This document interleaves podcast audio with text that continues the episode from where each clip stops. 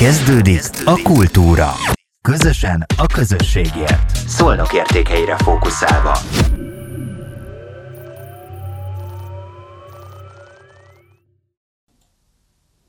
Üdvözlök minden kedves hallgatót és nézőt, Békési Klára vagyok, a Szolnokért podcast csatorna kultúra rovatában. Most egy világutazó lányjal találkozunk. Nagyon sok mindent fog mesélni, én megpróbálok minél kevesebbet. Bejárta az egész világot szinte, közben elvégezte az egyetemet, és most hazatért. Egy rettenetesen izgalmas és tartalmas fiatalkorod volt, fiatal vagy még mindig, de azért ennek a nagy része valahol máshol történt, és rettenetesen irigylésre méltó.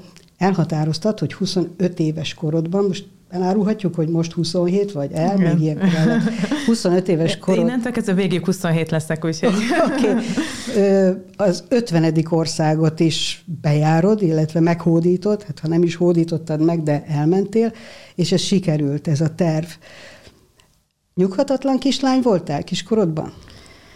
Szerintem bár lehet a szüleim, hogy más mondanának, de én teljesen úgy emlékszem, elég nyugodt gyerekkor volt egyébként, bár akkor is már, már Magyarországon belül is sokat utaztunk, a család az egy kicsit Szegeden, kicsit Debrecenben, kicsit Miskolcon, Nyíregyházán, Sárospatakon, tehát ezek már így gyerekkoromban megvoltak, és arra emlékszem, hogy volt egy nevelő mamám, vigyázó néni, aki viszont nagyon sokat utazott a, a kommunizmus alatt is, ugye már 89 előtt is, és neki volt relikviákkal tele a, a szobája, ami nekem kislányként mindig olyan fantasztikus volt, hogy ilyen-olyan színes dolgok, amik ugye teljesen különlegesek voltak számomra, és volt egy nagy ilyen vonatos könyve, Vonatok a világban, és az, azt imádtam lapozni, van rólam számtalan kép, hogy kislányként azt lapozgatom, most már enyém ez a könyv, és elég sok vonaton, vonatutat meg is csináltam belőle egyébként.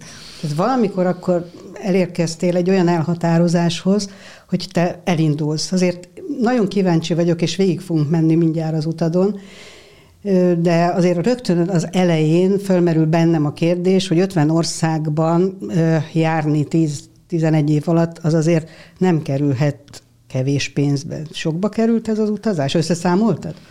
Igen, egyébként összeszámoltam, főleg azért, mert nagyon sok hát ez scholarship, tehát az ösztöndíj, öszt, különböző ösztöndíj programokkal, különböző támogatásokkal mentem, és ennek nagy része egyébként az Európai Unió támogatásával volt. Úgyhogy kiszámoltam, hogy körülbelül 60 ezer eurónyi támogatást kaptam ebben a, ebben a 10-11 évben. Nagyon sok utazás teljes mértékben, 100%-osan támogatva volt, ugye például amikor az USA-ba voltam még középiskolásként, a középiskolás korom alatt történt programok szinte mind 100%-osan támogatva voltak, utána pedig vagy én az egyetem mellett megdolgoztam érte, vagy az egyetemen is ösztöndíjat kaptam, vagy hát, hát azért elmondanám, hogy nem egy luxus utazás volt azért a legtöbb, hosszelekbe, 21 szobába, stoppoltunk, szállásért és, és ételért cserébe önkénteskedtünk, szóval egy nagyon vadregényes utazás volt. Azt mondom, hogy azért kellett hozzá pénz, de, de, de, de a nagy részét azt, azt támogatások során kaptam meg. Ezt azért is akartam rögtön az elején tisztázni, mert hogyha ezt valaki hallgatja, akkor esetleg reményt kaphat arra, hogy ő is megteheti ezt a te utadat. Úgyhogy ennek fényében kezdjünk el akkor beszélgetni. Milyen volt az első út, mikor történt, és egyáltalán hogy határoztad el, hogy indultál neki a nagyvilágnak? Hát a leges-legelső út, ugye már a családdal volt egy-kettő ilyen, ilyen kisebb utazásunk, amikor kicsi volt a Montenegro, Görögország, és valahogy nekem mindig, mindig az volt a fejemben. Apukám egyébként, amikor én egy éves voltam, akkor Londonban tanult egy fél évet, és szerintem az valahogy nekem így tudat alatt megmaradt, és mindig elterveztem, hogy én Angliába leszek újságíró. Ez volt a terv, és valahogy elkezdtem ugye kinyílni a, a külföldi kultúrák felé, és középiskolában kaptam egy lehetőséget az akkori dökös tanár, Unódi Barbara, meg is említem, és az osztályfőnököm Kéri Judit nagyon támogatóan erre a pályázatra referáltak engem, és ez egy hónap volt az USA-ban, százszerzelékos támogatással, és beutaztunk három különböző államot, rengeteg egyetemet megnéztünk, iskolát, megismerkedtünk amerikai fiatalokkal, iraki fiatalokkal, szíriai fiatalokkal, és ott a csoportvezetőm, aki szintén magyar volt, ismertetett meg ezekkel a mini Erasmus programokkal, amik egyébként még a mai napig futnak, ezek egy-két hetes programok, amiken 16 éves kortól részt lehet venni, szinte ezek is 100%-ban támogatottak, és így jutottam el még a középiskola befejezés előtt Törökország, Portugália, Bulgária, és egy hasonló program, európai program keretein belül Spanyolországban. Na akkor itt egy picit álljunk meg az mini Erasmus programnál én nem nagyon tudom elképzelni, hogy mit lehet csinálni egy, egy fiatal, illetve de el tudom képzelni, nagyon jókat lehet szórakozni, de valószínűleg az Európai Unió nem kifejezetten ezt támogatja, hogy jót szórakozunk. Mik történnek itt? Mi a munka? Mi a feladat? Mi a tanulás? Minden mini Erasmus programnak van egy tematikája. Én például az egyik, az egyik Törökországban az első, ami részt vettem, annak a mese, a, a, a kulturális legendák volt a címe, és minden, minden, minden mini Erasmusra különböző különböző országokból jönnek, különböző mennyiségű fő, ide öt fő ment, azt hiszem 5-6 országból, és hát a legendákról, a mesékről arról beszélgettünk, hogy a kultúrát hogyan adjuk át ugye a meséink által, és összehasonlítottuk, hogy kinek milyen meséket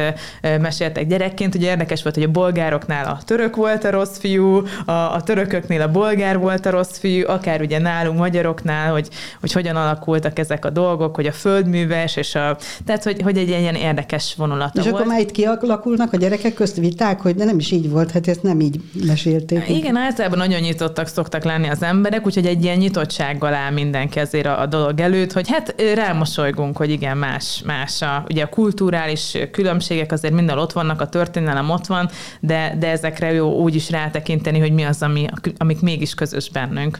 Úgyhogy Portugáliában ott az egy fantasztikus, az életem egyik legjobb élménye volt Porto, 25 európai országból kettő-kettő résztvevő, hát fantasztikus volt annyi, és ezeken egyébként ezeken a mini Erasmusokon mindig volt egy nemzetközi nap, ahová minden kultúrából hoztunk kaját, italt, zenét, zászlókat, stb., és egy kicsit bemutattuk az országunkat, és hát 25 ország, tehát fa- fantasztikus volt. Itt egyébként a téma az a fiatalok munkanélkülisége volt. Tehát itt összejövünk, megbeszéljük, hogy kinek az országában vannak workshopok, beszélgetések, és mindenki igazából a saját szervezetéhez, a saját, saját közösségéhez elviszi azokat az ötleteket, gondolatokat, amiket akár egy másik országból össze lehet szedni. Még nem beszéltünk arról, hogy melyik középiskolába jártál, és hogy a középiskolából kerültél ki, ugye kicsit előre szaladtunk. Igen, én a Val Katalin két tannyelvű, hát gimnáziumban jártam, és a két tannyelvű szakra, apukám egyébként angol tanár, úgyhogy ő már egészen korán megismertetett engem az angol nyelvvel, meg úgy általában a nyelvekkel, úgyhogy ez mindig fontos volt. Mindig, minden este ült, nézte a CNN-t, vagy a BBC-t, úgyhogy ő is, ő is nagyon behozta ezt a, ezt a vonalat a családba. És a középiskolában vállaltál valamilyen kulturális szerepet, vagy valami közéleti szerepet volt, vagy kicsit nyüzsgőbb voltál, mint az átlagdiák? Igen, igen, ez egyébként fontos volt, amikor kiválasztanak embereket ugye különböző támogatott helyekre, hogy ő a saját közösségén belül aktív legyen, mert a célja a legtöbb ilyen utazásnak egyébként a támogatott utazásoknak nem az, hogy én, mint Reke Janka bejárjam a világot, hanem az, hogy az én saját közösségem számára tudjak adni valamit, egy új perspektívát, új ötleteket. Úgyhogy én itt a Vargában dökelnök voltam, előtt egyébként már, a, már az általános iskolában a dökelnök voltam, a fiumai általános iskolában dökelnök voltam, ott a gyermeki, gyermektanácsnak, a városi gyermektanácsnak voltam az elnöke, középiskolában pedig dökelnök voltam, és a városi diákok Ezt tanácsának. Mondjuk, mondjuk már, hogy mi ez a dök, mert nem biztos, hogy mindenki Diák önkormányzat, igen, a diák önkormányzatnak voltam mindkét helyen az elnöke, és a városi diákok tanácsának alpolgármestere voltam itt Szolnokon. Akkor gyakoroltad ezt már, és akkor utána, hogy kerültél el kell, hogy áruljuk, hogy tegnap egy kicsit beszélgettünk, csak nekem olyan nagy volt, és olyan rettentő sok volt, amit mondtál, hogy van ilyen, hogy európai parlament. Igen, igen, igen. A, a Vargában, a Varga, a Varga Katalin Gimnázium, most nem tudom egyébként sajnos, hogy még most van, mai napig is részt vesz, de a program az a mai napig fut. Ez egy nagyon érdekes program, és tényleg akinek van lehetősége azt javaslom, hogy mindenképpen csatlakozzon. Ez egy Modell Európa Parlament, ahol a magyarországi fordulóban minden magyarországi résztvevő iskola egy bizonyos államot képvisel. A mi, a mi iskolánk akkor Hollandiát képviselte, ahol aztán elég sok időt töltöttem, de akkor még nem, és akkor elmegyünk egy országos fordulóra, ahol ugye mint rendesen az államok összeülünk és megbeszéljük. Ez 2011-ben volt, tehát akkor például a gazdasági világválság, az arab tavasz, ezek voltak a témák. Most már a mai diákoknak lehet, hogy az ukrán helyzetről kéne Akartam mondani, hogy most érdekes lenne, hogy hogy látja ezt egy diák, igen. és egy, egy jóval fiatalabb, mint akik most itt azért egy kicsit összefeszültek. Érdekes igen, igen, és, és, és nagyon érdekes egyébként az is, hogy az ember bele csöppen abba, hogy hogyan is jönnek a döntések, különböző országok ütköztetik az álláspontjaikat, és hogy ez egyáltalán nem annyira egyszerű, mint sokszor így otthon a tévé elől látszik, hogy, hogy milyen irányba mennek a dolgok. És itt kijutottam egy nemzetközi fordulóba, ahol már mindenki a saját országát reprezentálta, úgyhogy Madridba hatan magyarok reprezentáltuk Magyarországot, és, és hát az is egy fantasztikus élmény volt, tényleg nagyon, nagyon, nagyon jó élmények. Sokszor csere, tehát családoknál laktunk, egyébként az ilyen támogatott programoknál legtöbbször családoknál laktunk, és hát az is egy felejthetetlen élmény, amikor az ember úgy tényleg abban a mindennapi életbe belecsöppen, és próbálja felvenni a fonalat, akár onnan, hogy hogy működik a zuhanyzó, odáig, hogy ugye a spanyolok például sokkal később vacsoráznak, mint mi. Hát így a kis mindennapi dolgokban van benne igazán a kultúra. Mennyire vagy alkalmazkodó típus, muszáj, hogy az legyél? Igen, nagyon. Az, ez egyébként a, jelenleg a Foodpandánál dolgozom, és amikor megérkeztem, egy napra rá bejelentették, hogy a netpincérből Foodpanda lesz, ezt én egy picit hamarabb tudtam meg ugye a cégem belül, úgyhogy így kérdezte a főnök, hogy mennyire vagyok alkalmazkodó típus, mondom, hogy hát muszáj lesz, ugye most tényleg egy héttel azelőtt érkeztem vissza Budapestre, és akkor most már az egész cég át alakul, úgyhogy igen, azért meg kell tudni. Igen, nem csak az, nem is az alkalmazkodás, hanem egy picit az is fontos szerintem, hogy az ember nyitott legyen arra, hogy, hogy hogyan működnek mások, hogyha valamit mond, azt nem feltétlenül bántásból mondja, lehet, hogy náluk ez így szokás, vagy nem feltétlenül bunkóságból, hanem tényleg így fejezik ki magukat az emberek. Úgyhogy egy nyitottság, egy hatalmas nyitottság kell arra, hogy oké. Okay. És illik nekünk odafigyelni az ő kultúrájukra, és nem azt várni, hogy ők igazodjanak a miénkhez, ugye? Igen. Na nem is tudom, hol tartottunk most, tehát hol tartunk közép, közép, középiskolában, igen, ez, ez volt a Modern Európa Parlament, és utána hát nagy álmom volt, hogy Angliába menjek egyetemre, úgyhogy ez sikerült is. Az egész család, anyukámmal mentünk Angliába, úgyhogy ott, ott kezdtem az egyetemet, menedzsment és francia szakon, mert franciát is nagyon szerettem, Félegyházi Ágnes volt a francia tanárom, ő nagyon megszeretette velem a nyelvet, és abból is érettségiztem, franciába is érettségiztem, és így francia és menedzsment szakon kezdtem Angliában, ahol eltöltöttem egy évet, de jött egy lehetőség, hogy a második évet Maláziában töltsem, mert az egyetemnek volt egy kampusza, és mit ad Isten, hogyha valaki külföldön tölt egy évet, akkor a tandénak arra az évre csak a 10%-át kell kifizetni.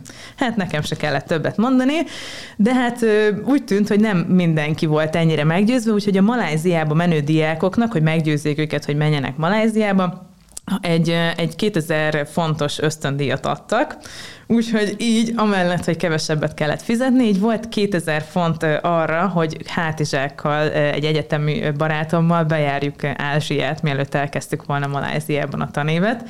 Úgyhogy egy hatalmas kaland volt, de még ez a, bar, ez a, ez a barátom, ő egyébként afrikai származású volt, és mivel én így meghívtam Magyarországra, bemutattam neki a magyar kultúrát, ő a mielőtt hátizsákos túrával elindultunk volna, hát teszteljük le, hogy hogy megy nekünk ez az utazgatás, két hónapot Afrikában töltöttünk, Ruandában és Ugandában. Ruandában egyébként ott egy árvaházban is önkénteskedtünk, gyönyörű helyen, tényleg Kongó, Kongóval határos területen van egy gyönyörű tó, és ott, ott egy árvaházban játszottunk, tanultunk ugye tőleg, tőlük rengeteget, meg hát remélhetőleg ők is tőlünk egy kicsit, és akkor utána mentünk tovább, Japán, Tájvan, hát mindenhol önkénteskedtünk, szóval Japánban egy, egy kávé, egy ilyen ekokaféban kertészkedtünk, tehát paradicsomot szedtünk tényleg a Tokió mellett, így néztünk egymásra, hogy ez, ez hogy, és szállásért és ételért cserél cserébe. Tájvanban egy kéthetes angol tábort vezettünk, Vietnámban egy kis faluban házépítésben segítettünk, hát az egyébként az is egy nagyon szürális élmény volt, hogy mentünk abba a kis faluba, és akkor egyszer csak megállt a tehe, az a jármű, ez a, ez a nagy kocsi, amivel mentünk, hogy ja, most itt ki kéne szállni, és át kéne szállni a csónakba. Így nézünk, ugye hátizsákok, és tényleg ez, a, ez az ilyen hosszú, kivált ladik ott állt a folyón, hót sötét volt, így betettük, ugye így, hogy pont így befért az egyik hátizsák, egy ember, másik hátizsák, egy ember, és ez a kis vékony evező ember, és így néztünk, hogy hova visznek minket. Hát fantasztikus. Egyébként ott a vietnámi faluban pont abban a két hétben, amikor ott voltunk, egy temetés is volt, és egy esküvő is, úgyhogy olyan szinten megismertük így a, a falunak az életét, meg a hagyományokat, hogy hát fantasztikus volt. Barátságosak voltak veletek az ottaniak, a helyiek? Mindenhol, mindenhol nagyon, nagyon. Nem, nem is igazából így beszélgettünk is erről tegnap, hogy, hogy van-e valami olyan élmény, ami, ami úgy, úgy, úgy, úgy, úgy nem, nem úgy sikerült, de igazából na, nagyon, nagyon kevés volt. Egy-kettő olyan, ami kicsit talán akkor sötét volt, nem találtuk, hogy már, de egyébként mindig, egyébként bárhol a világban annyira sok barátságos emberrel találkoztam, hogy, hogy igen, ez így visszaadja a hitét az embernek egyébként, hogy, hogy, hogy mennyire, mennyire jók is vagyunk mi emberek igazából. Tehát itt ezeken a tájokon, amiről most beszéltél, itt önkénteskedtetek. Igen. Az önkéntes munka az úgy általában különböző volt, vagy úgy nagyjából egyforma? Gyerekekkel foglalkoztatok, vagy kikkel? Igen, más volt egyébként úgy volt, hogy ö, attól függött igazából, hogy tehát más, más önkénteskedni egy, ö, egy fejlődő országban, ahol a populáció talán annyira, annyira nem tehetős, és más önkénteskedni mondjuk egy japán-szerű helyen, ahol hát most úgy őszintén általában ők is azért így tudnak ö, maguknak szerezni embert, aki tudja kapálni a paradicsomot. Szóval sok önkénteskedés az ilyen, ilyen fej, fejle, hát tehetősebb országokban, így mondom például Japánban, ott volt egy lány, aki hazaköltözött, ő is világjáró volt, megalakította ezt a kávézót, ott van ugye ez a, mind, mindig van valami, amit csinálni kell, és ő igazából ezt nagyon élvező, hogy odahív külföldieket, van egy kis szobája, azt ugye kiadta nekünk emeletes ágy, és akkor ott a kávézóban minden nap kaptunk kaját, és közben ott megműveltük a kis kertet, ott ki volt adva a feladat, hogy mit kell minden nap csinálni, úgyhogy ott inkább a, a tulajnak ez a kultúrák iránti szeretete motiválta a dolgot. Tájvanban ott például az angol tudásunk volt az, ami, ami nagy dolog volt. Ugye az, hogy ott van a gyerekekkel két ember, akinek nem mondhatja el, ugye a Tájvanban a kínainak egy bizonyos formáját beszélik, és akkor mint itthon ugye elképzeljük, hogy a gyerekek ott vannak, táboroznak, angol tábor, de tudja jól, hogy a tanító tud magyarul, akkor inkább úgy kérdezi, mert ugye lusták az emberek. Hát ott, ott mi voltunk ketten, és hogyha baj volt, akkor azt angolul kellett elmagyarázni. Úgyhogy egy picit így rá volt voltak kényszerítve, tehát ott az angol tudás. Vietnámban pedig igazából ott azért, hogy mi oda mentünk, ugye adtunk egy kis pénzügyi támogatást is az építkezéshez, ami nekik ugye nagyon sokat számított, és ezért cserébe igazából akkor ott voltunk tényleg ott abban a vietnámi faluban, tehát ha most így belekézem, annyira szürreális volt az egész, de, de ott voltunk velük, ettünk, velük ittunk, felvettük az ő ritmusukat, Úgyhogy, úgyhogy nagyon érdekes volt. És Afrikában volt még ugye önkénteskedés, ott például ott két helyen is, vagy három helyen is önkénteskedtem igazából Afrikában, utána később többször is visszajutottam. Tehát az Árvaházban igazából ott meg a, a, a, azt, azt nem, tehát bárhogy ha elképzelünk egy árvaházat, nagyon sok gyerek jut egy nevelőre. És az, hogy egy picit a gyerekekkel egyedül is tud foglalkozni egy felnőtt, beszélgetni, megmutatni neki dolgokat, akár mesélni, ez, ez, ez egy elég nagy, nagy dolog volt. És az itteni árvaházban lévő gyermekek, nekik miért veszítették el a szüleiket? Ezek tipikusak, vagy, vagy különböző történetek? Hát különböző történetek. Ruandában egyébként fontos disclaimer, hogy 2000, 2014-ben volt, és akkor bezárták utána az árvaházakat, mert úgy döntöttek, hogy nem teszi út az ország imidzsének. Egyébként azért is zárták be, és ez egy, egy érdekes fricska, hogy sok szülő nem tudta eltartani igazából a, az olyannan vállalt gyerekeket, és akkor egyszerű volt beadni őket egy árvaházba. Tehát van szülő, csak... Igen, igen, viszont, vagy hát ugye ott is lehetnek családi problémák azért, de sokszor az eltartása a probléma. Viszont az árvaházakban, tehát azért mondjuk egy ruandai kisgyerek élete általában nem úgy néz ki, hogy ül, elmegy iskolába, hazamegy, ül, játszik, hanem már nagyon kicsi kortól beveszik őket a földművelésbe, tényleg ott láttam egy olyan nőt így a ruandai hegyoldalba, körülbelül velem egy idős lehetett, én akkor 20 éves voltam, hátára kötve egy kisbaba, előre felkötve egy kisbaba, és egy másik ott játszik mellette, és úgy kapálja a földet.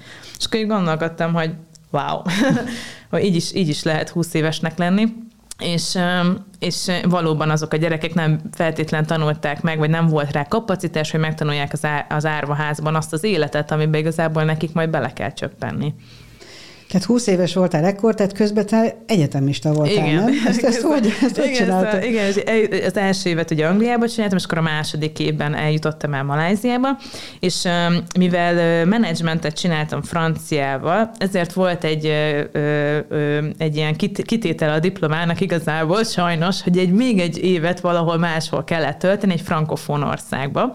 Úgyhogy a harmadik évet Párizsban töltöttem, ott dolgoztam is, de még mielőtt Párizsba jutottam, kaptam egy nagyon jó lehetőséget a British Council-tól, ez megint csak egy ilyen támogatott út volt, ott csak a repjegyet kellett nekünk fizetni, és minden más állva volt, ahol majd egy hónapot Indiába tölthettem. Fantasztikus élmény volt, reggel 5-től este 10 programjaink voltak, az indiai kultúrának minden elemét próbáltuk körbejárni, reggel jogával kezdtünk, utána bollywoodi táncóránk volt, saját szárit csináltunk magunknak megtanulni, hogy hogyan kell a szárit összerakni, és közben rengeteg nagyon érdekes indiai szervezettel, egyetemeken, cégekkel, akik Indiába fektettek be, ilyenekkel, ilyenekkel találkoztunk, töltöttük az időt, és hát a program célja igazából az volt, hogy serkentse a befektetési kedvet Indiában, ugye a fiatalok között, üzleti diplomát végzők között, hogy, hogy itt mennyi potenciál van, és tényleg rengeteg potenciál van egyébként szerintem a fejlődő országokban. Úgyhogy nekem a szívem inkább odahúz egyébként sokszor, mint a, mint a nagyon fejlett, nagyon nyugati eh, helyekre. Tehát akkor most Indiából hova megyünk vissza? Szóval úgy volt, igen, hogy Malajzia, utána India, utána volt egy kis gyakornokságom Belgiumban, és onnan mentem Párizsba. Utána egy év volt Párizsban, ahol egyébként ezt mindenkinek javaslom, aki egyébként mostanában az egyetemen van, hogy olvasson utána, mert ezt én még időbe kitaláltam, hogy, vagy hát megtaláltam, egyébként Erasmus programra, amit ugye az egyetemi Erasmus program, összesen két évet lehet egyébként támogatottan megcsinálni az egész egyetemi kurzusod alatt, és az Erasmus program gyakorlatilag azt jelenti, hogy az egyetemed országán kívül, hogyha gyakornokságot csinálsz, vagy fél évet, vagy szemeszter karriert csinálsz, akkor arra igényelhetsz Erasmus ösztöndíjat, hogyha van tanulói jogviszonyod. Ami azt jelenti, hogyha most valakit a Corvinusra jár, és úgy dönt, hogy egy fél évet elmenne és kipróbálná magát Spanyolországban, akkor, hogyha megmarad a tanulói jogi viszonya, alkalmazhatná az Erasmus ösztöndíjat, és a munkája mellé kapna egy pár száz eurót, vagy igazából, hogyha dolgozol, akkor még több, mint hogyha tanulnál. Ezeket neked kell megkeresni, vagy, vagy ezeket az iskolában hirdetik, vagy, vagy hozzájutnak a diákok ezekhez az infókhoz? Van, ahol nagyon automatikus, igen, tehát itt például, mivel sokan mentünk egyszerre, ugye mindenki, aki francia szakos volt, francia szakos is volt, annak el kellett mennie valami frankofón országba, úgyhogy itt ez, ez egy kicsit struktúráltabb volt, de utána már felvettem a fonalat, és láttam, hogy mennyi mennyi, mennyi lehetőség van, úgyhogy utána olvastam igazából, és akkor én mentem már sokszor az egyetemen a nemzetközi irodához, hogy úgy olvastam, hogy ilyet is lehet, akkor ezt lehet, és akkor mondták, hogy Végülis lehet.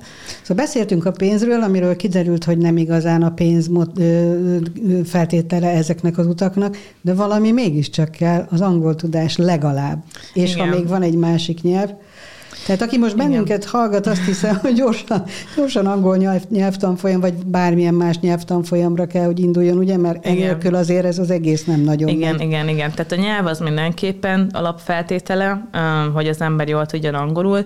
Szerintem amúgy a teljesen támogatott utaknak az is feltétele, hogy az ember aktív legyen a közösségén belül.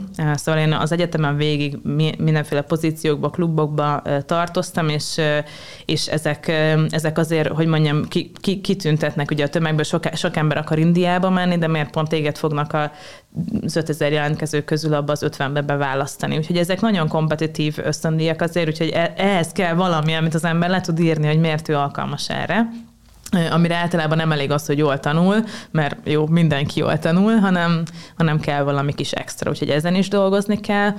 Egyébként meg szerintem nekem egy anyukám pszichiáter, úgyhogy kell azért egy ember, aki, aki ott van az, azokban az időkben, amikor az ember haza akar menni, elege volt az egészből, megint nem volt meleg víz az zuhanyzóban. Tehát például azért egy Afrika um, annyira más világ, hogy, hogy én számtalanszor hívtam anyukámat, szerintem még Maláziából is, ott pont annyi volt az időeltolódás, hogy mindig reggel csörgött a telefon, hogy anya, mert, mert ki kell beszélni az embernek magából az élményeket. Nem, nem feltétlenül rosszak az élmények, viszont annyira más a mi valóságunkhoz képest, hogy fel kell, fel kell dolgozni. Úgyhogy, hát akkor anya segít. Igen, anya, kell egy anya. igen. Azt hiszem, hogy ez, az is egy nagyon fontos dolog, hogy a mai világban az én fiatalkoromban még ilyen nem volt, hogy tudunk pillanatok alatt kapcsolatot igen. teremteni az interneten keresztül a családtagokkal, vagy bárkivel, aki hiányzik.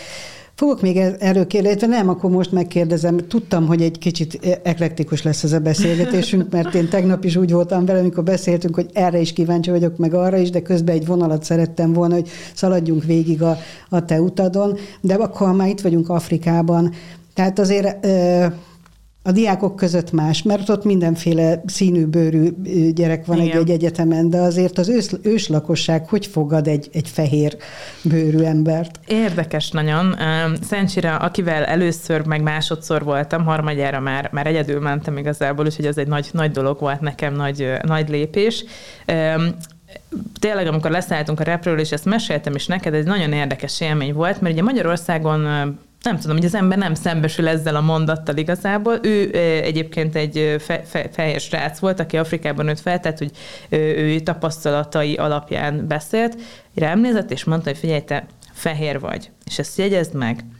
És akkor én néztem rá, hogy ez mit is jelent, és ugye amikor az ember megérkezik, és Igazából ugye te, ahogy sétálsz az utcán, nem érzed, hogy más vagy, mert ugye te itt a szemed, úgyhogy így látsz előre, látod, hogy mindenki így ott van, de ők néznek téged, és ők látják, hogy te más vagy, és ez, ez nagyon fura. Ez nagyon fura, amikor az ember, ugye, főleg amúgy egyébként az afrikai nagyvárosokban sem fura ez annyira, de amikor olyan helyekre megy az ember, ahol, ahol, ahol mondjuk nem kicsit egy ki, ki, kiesebb része az országnak, ott azért kikerekednek a szemek. És fú, ez, ez amúgy a harmadik afrikai látogatásom során volt egy ilyen, és ez egy ilyen annyira érdekes dolog, ez, imádom ezt a sztorit, hogy festettünk egy iskolában, ott egyébként egy iskolában dolgoztunk, és ott egy kis ilyen renovációs munkát, ugye gyerekekkel festettünk. És akkor jöttek oda lányok hozzám, hogy na és akkor mesélj, akkor mi, milyen a férjed, mert ott nincs ilyen státusz, hogy barát, hanem ott férj, kész. Úgyhogy milyen, és akkor, hogy, és akkor nagyon félve megkérdezték, hogy megérinthetik a hajamat.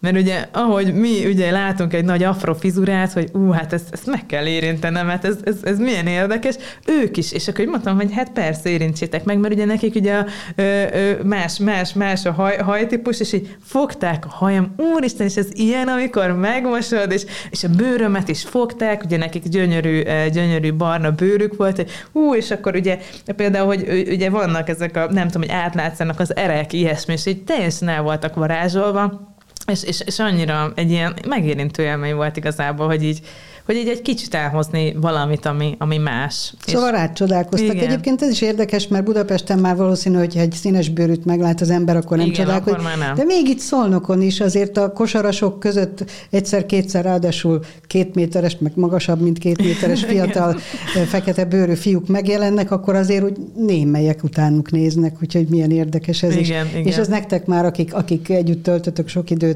fiatalok különböző színű bőrrel, ez egészen természetes és érdekes lenne, jót tudnánk beszélgetni szerintem a rasszizmusról is ennek kapcsán. Vagy De akár, akkor... a, akár a sminkről is, mert a smink is annyira ugye más, más, más, tehát én például amikor, amikor Ázsiában, Maláziában voltam, volt egy olyan csapatunk, egy business, egy üzleti ilyen projekten dolgoztunk, egy ugandai lány, én, egy kazasztáni lány, és egy lány Bahreinből. És ugye mindannyian, ugye a bahréni lány a sába, ugandai lány ugye az afrofizurával, a kazasztáni lány ugye a húzott, ugye a közép és akkor elkezdtünk a sminkről beszélgetni, hát Ugye szerintem a nőknek nem kell mondani, hogy már alapból mennyire nehéz egy jó tónus megtalálni, de amikor ez a négy nő elkezdett beszélni, hogy kinek milyen alapozó, meg tehát az jó, vicces szituációkat is, is szül, igen. Hát akkor lépjünk tovább, tehát akkor honnan is, most már megint elveszítettem Igen, a fonalat. szóval recap, tehát ugye voltam a középiskolás évek, és akkor utána az egyetemben az első év Anglia, első év utáni nyáron két hónap Afrika, két hónap Ázsia, és utána voltam Maláziában, és a, har- a Malázia utáni nyáron India egy hónapig, két hónap Belgium, és utána egy év Párizs. Úgyhogy ez volt a, ritmus. Párizs az fantasztikus volt egyébként, az, az a, én, én oda bármikor visszaköltöznék, nagyon-nagyon-nagyon fantasztikus hely volt, és akkor utána én ezt az Erasmus ösztöndíjat, mert én dolgoztam, összegyűjtöttem, és akkor anyukámmal közösen, akkor volt 50 éves, eldöntöttük, hogy akkor lesz egy nagy utazás. Úgyhogy így ketten lányok, spanyolt nem beszélünk, bevállaltuk Latin Amerikát, úgyhogy így mentünk el közösen Peruba és Argentinába. Úgyhogy fantasztikus, fantasztikus élmény volt, és akkor utána még egy másfél hónapra visszamentem egyébként önkénteskedni Afrikába, Ruandába és Kenyába. És akkor utána jött az egyetem utolsó éve, az ugye Angliában, és aztán egy olyan mesterprogramra jelentkeztem, ami több országba zajlott, és akkor az első fél évben Norvégiában voltam, második fél Hollandiában, és utána kaptam egy állást Írországban. Úgyhogy nagyjából így, így, így. És akkor Írország volt a, a, ennek a sok-sok-sok országnak a körút adnak a befejező Igen, körülbelül. Igen, utána egyébként Írországból elvállalt megy munkát Amsterdamban, ez még 2021-ben volt, de, de igazából akkor már meg, megszületett bennem a gondolat, hogy, hogy haza szeretnék jönni, úgyhogy... Jött a Covid? Igen, jött a Covid, lezárások voltak, úgyhogy, úgyhogy végül is Amsterdam volt az utolsó állomás, de igen, úgy, úgy Írország volt a, a le, lecsengés, tehát a lezárás és Amsterdam inkább csak a lecsengése. Ez, ez mitől? Mert ugye elhatároztál egy mennyiséget, az 50 országot. Egyébként miért volt fontos a mennyiség? Ez csak valami számisztikai Ó, dolog? vagy fura. Mi? Igen, nem tudom, nekem, nekem mindig voltak ilyenek, hogy hú, ugye futok is egyébként, szóval itt az ember mindig számolgatja, hogy hány perc, hány másodperc volt, hány kilométer, mennyi, izé. és akkor egyébként ez egy nagyon vicces dolog volt, mert van egy olyan dolog, amit úgy hívnak, hogy couch surfing.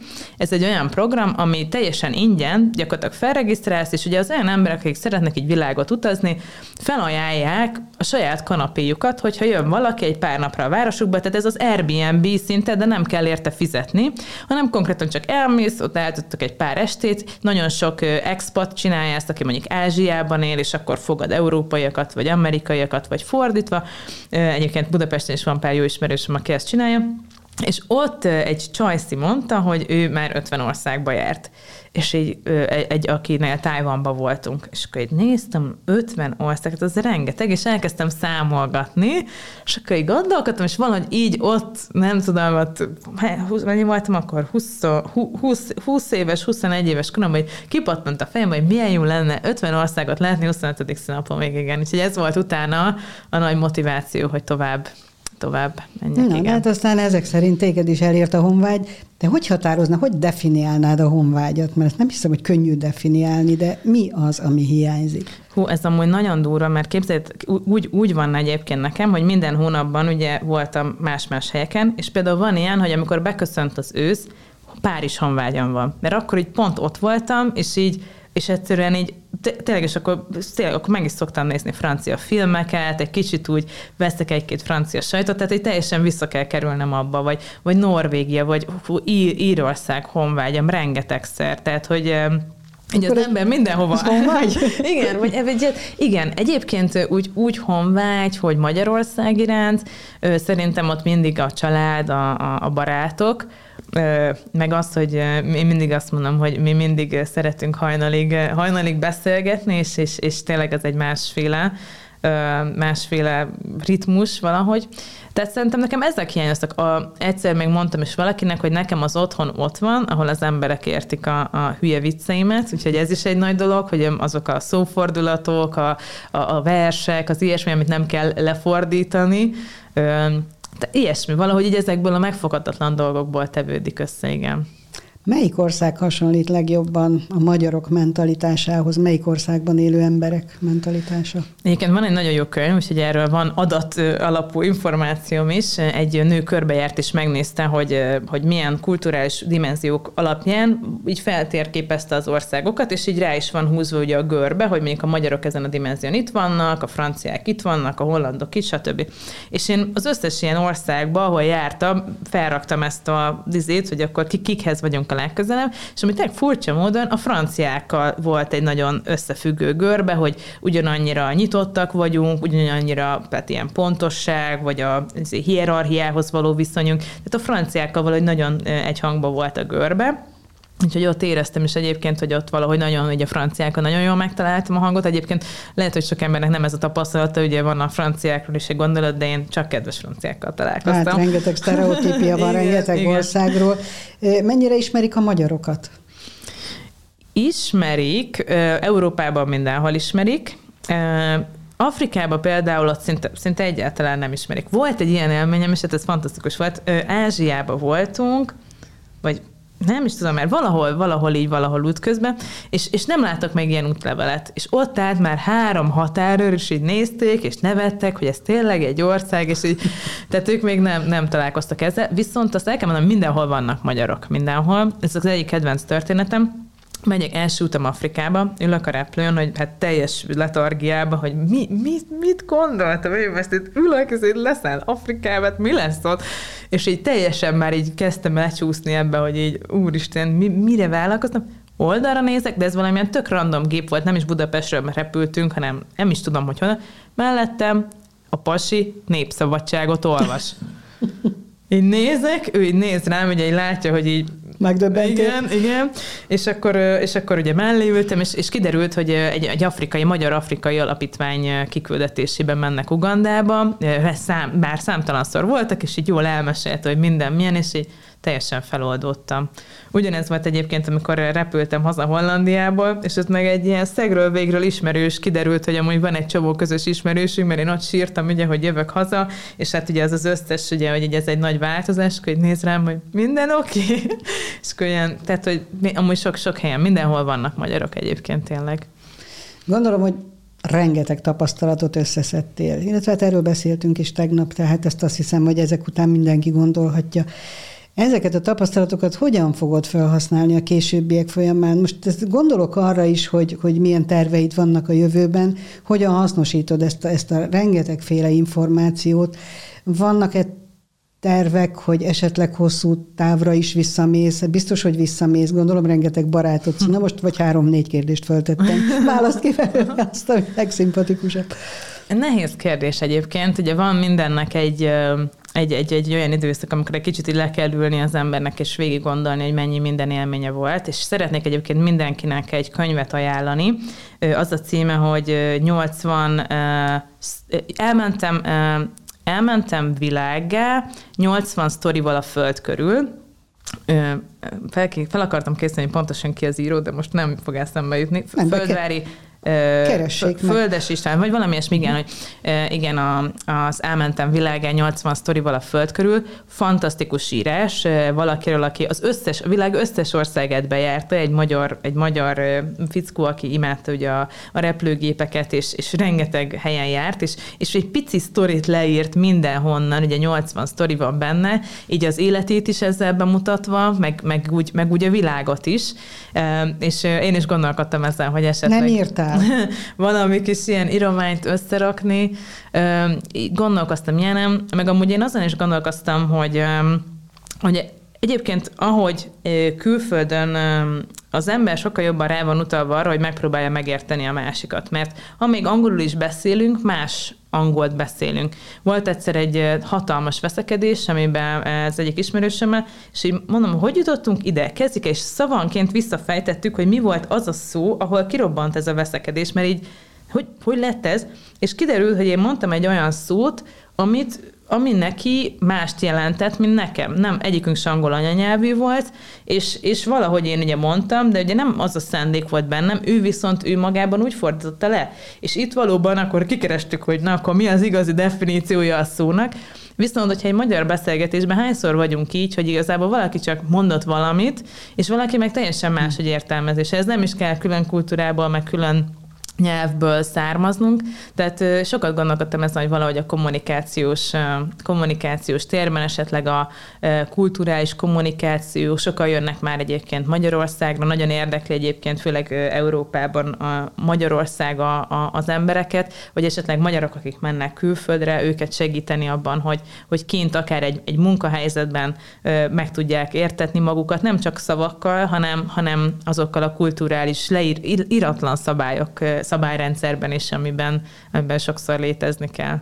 Hát, amikor ez a beszélgetés zajlik, később fogják ezt látni, meghallani az emberek, de tényleg egy olyan napra ébredtünk, ami azért elrettent mindenkit, gondolom, a, az ukrán-orosz, nem is tudjuk, hogy mi rettenet elindult, hogy mennyire kellene ez, hogy megértsük egymást, hogy Igen. tudjunk egymással kommunikálni, mert egész biztos vagyok benne, hogyha akár ukrán, akár amerikai, akár orosz fiatalok egy csoportban lennének valahol, és, és akár buliznának, vagy valami konkrét feladatot kapnának, és egymást kéne segíteni, akkor egy kicsit könnyebb lenne szerintem is a világ, vagy legalábbis másfelé indulna el, úgyhogy azt hiszem, hogy rajtatok a jövő, vagy rajtatok múlik sok minden, és na, ez, ezek óriási dolgok, ha ilyen aktivitással képes egy fiatal elindulni és bejárni a világot.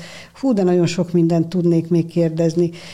Azért még azt a kérdést, amire nem válaszoltál, hogy vannak-e terveid arra, hogy esetleg valahova visszamenj, mert most azt kérdezném legszívesebben, hogy, hogy mi az az ország, amit legjobban megszerettél? Van egyébként egy listám, bakancs listám, hogy hova szeretnék még elmenni, úgyhogy azon sok országban még Costa Rica, Kuba, akár Dél-Afrika, Namíbia, ezek mind olyan helyek, ahová nagyon, nagyon szeretnék még eljutni, úgyhogy még azért sok, sok, sok reptéri benzint el fogok szerintem égetni, bár addigra hát, ha lesz valami fenntartható formája az utazásnak. Most őszintén egyelőre arra fókuszálok, hogy jövő hét hétfőn kapom meg a lakásom kulcsát, úgyhogy csinálni egy olyan helyet, ahol, ahonnan nem kell mindig elmenni, ez az elsődleges tervem, és utána meglátjuk, hogy milyen lehetőségeket hoz a jövő. Szeretnék nyitott maradni a világra, szeretnék egyébként másokat is inspirálni arra, hogy, hogy járják be a világot, tanuljanak belőle, és aztán akár térjenek haza, és, és ezekkel a tapasztalatokkal gazdagodva építsenek valami, valami, valami, valami tök jót, ami, ami, ami építi a világot is. Szóval, kedves nézőink, kedves hallgatóink, Reke Janka egy szolnoki lány, aki bejárta a világot, kövessék Reke Jankát. Ő is ezt mondja, erre biztatja önöket. Köszönöm szépen a beszélgetést, Janka. Én is köszönöm. Ez volt a Kultúra. Közösen a közösségért. Szolnok értékeire fókuszálva.